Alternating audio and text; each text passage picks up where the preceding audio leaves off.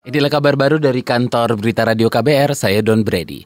Sidang perdana Roma Hurmuzi yang mengajukan gugat pra-peradilan kepada KPK terkait kasus suap jual beli jabatan di lingkungan Kementerian Agama digelar persidangannya. Informasi selengkapnya bersama rekan Mutia Kusumawardani yang ada di Pengadilan Negeri Jakarta Selatan. Mutia. Saudara, hari Senin ini berkas sidang perdana gugatan pra-peradilan yang diajukan oleh bekas Ketua Umum Partai Persatuan Pembangunan atau P3, Roma Hurmuzi terhadap Komisi Pemberantasan Korupsi KPK dijadwalkan digelar di Pengadilan Negeri Jakarta Selatan. Tetapi menurut penasihat hukum Roma Hurmuzi, yaitu Makdir Ismail memastikan kliennya tidak bisa hadir dalam sidang karena masih menderita sakit sehingga Roma Hurmuzi akan diwakili oleh tim kuasa hukumnya saja.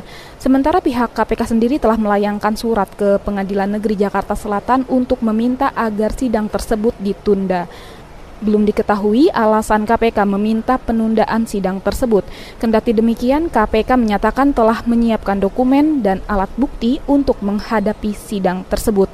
Sebelumnya KPK sudah menerima surat gugatan pra-peradilan yang dilayangkan oleh Romi.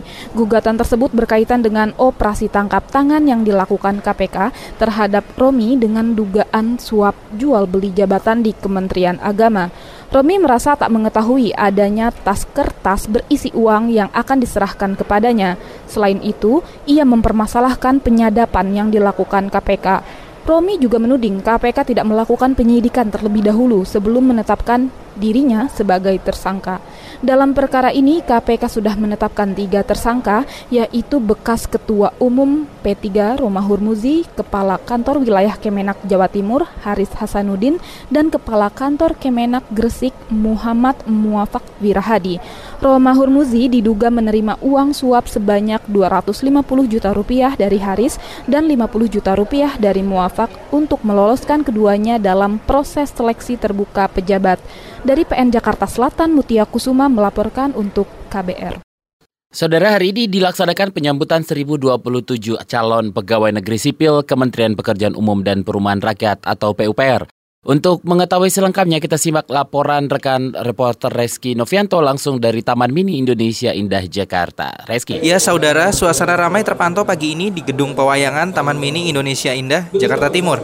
Sebanyak 1027 calon pegawai negeri sipil atau CPNS Kementerian Pekerjaan Umum dan Perumahan Rakyat atau PUPR dikumpulkan dalam rangka penyambutan CPNS Formasi 2018. Seluruh CPNS mengenakan kemeja putih dengan celana berwarna hitam lengkap dengan dasi berlambang PUPR yang terlihat tampak rapi. Jumlah 1027 CPNS tersebut terdiri dari 993 CPNS PUPR dan 34 CPNS Kementerian Keuangan yang telah diberikan ke PUPR.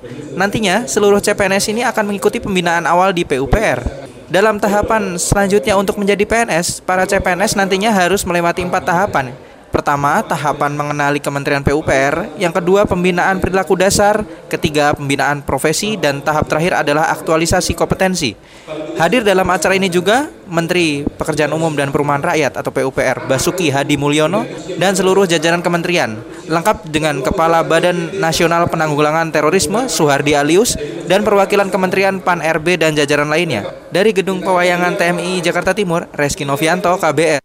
Koordinator Nasional Pemantau Pemilu Mata Rakyat Bayu Adi mempertanyakan profesionalitas anggota informatika dan teknologi KPU yang menginput data C1 Plano dari KPU Kabupaten Kota ke situs KPU. Selain itu, Mata Rakyat juga menemukan puluhan kejanggalan laporan terkait formulir C1 yang masuk ke dalam aplikasinya. Mata Rakyat terlebih dahulu melakukan verifikasi puluhan temuan itu, baru menyerahkan ke Badan Pengawas Pemilu kita menemukan masih terdapat data yang bermasalah. Temuan-temuannya itu kalau di kita itu ada sekitar 90 temuan tidak jelas fotonya. Jadi foto C1-nya itu tidak jelas TPS-nya itu di mana, terus kemudian daerahnya di mana.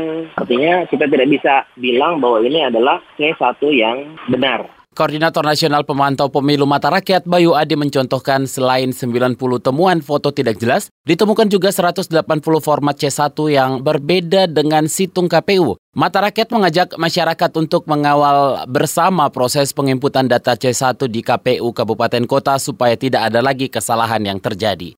Demikian kabar baru dari kantor Berita Radio KBR, saya Don Brady.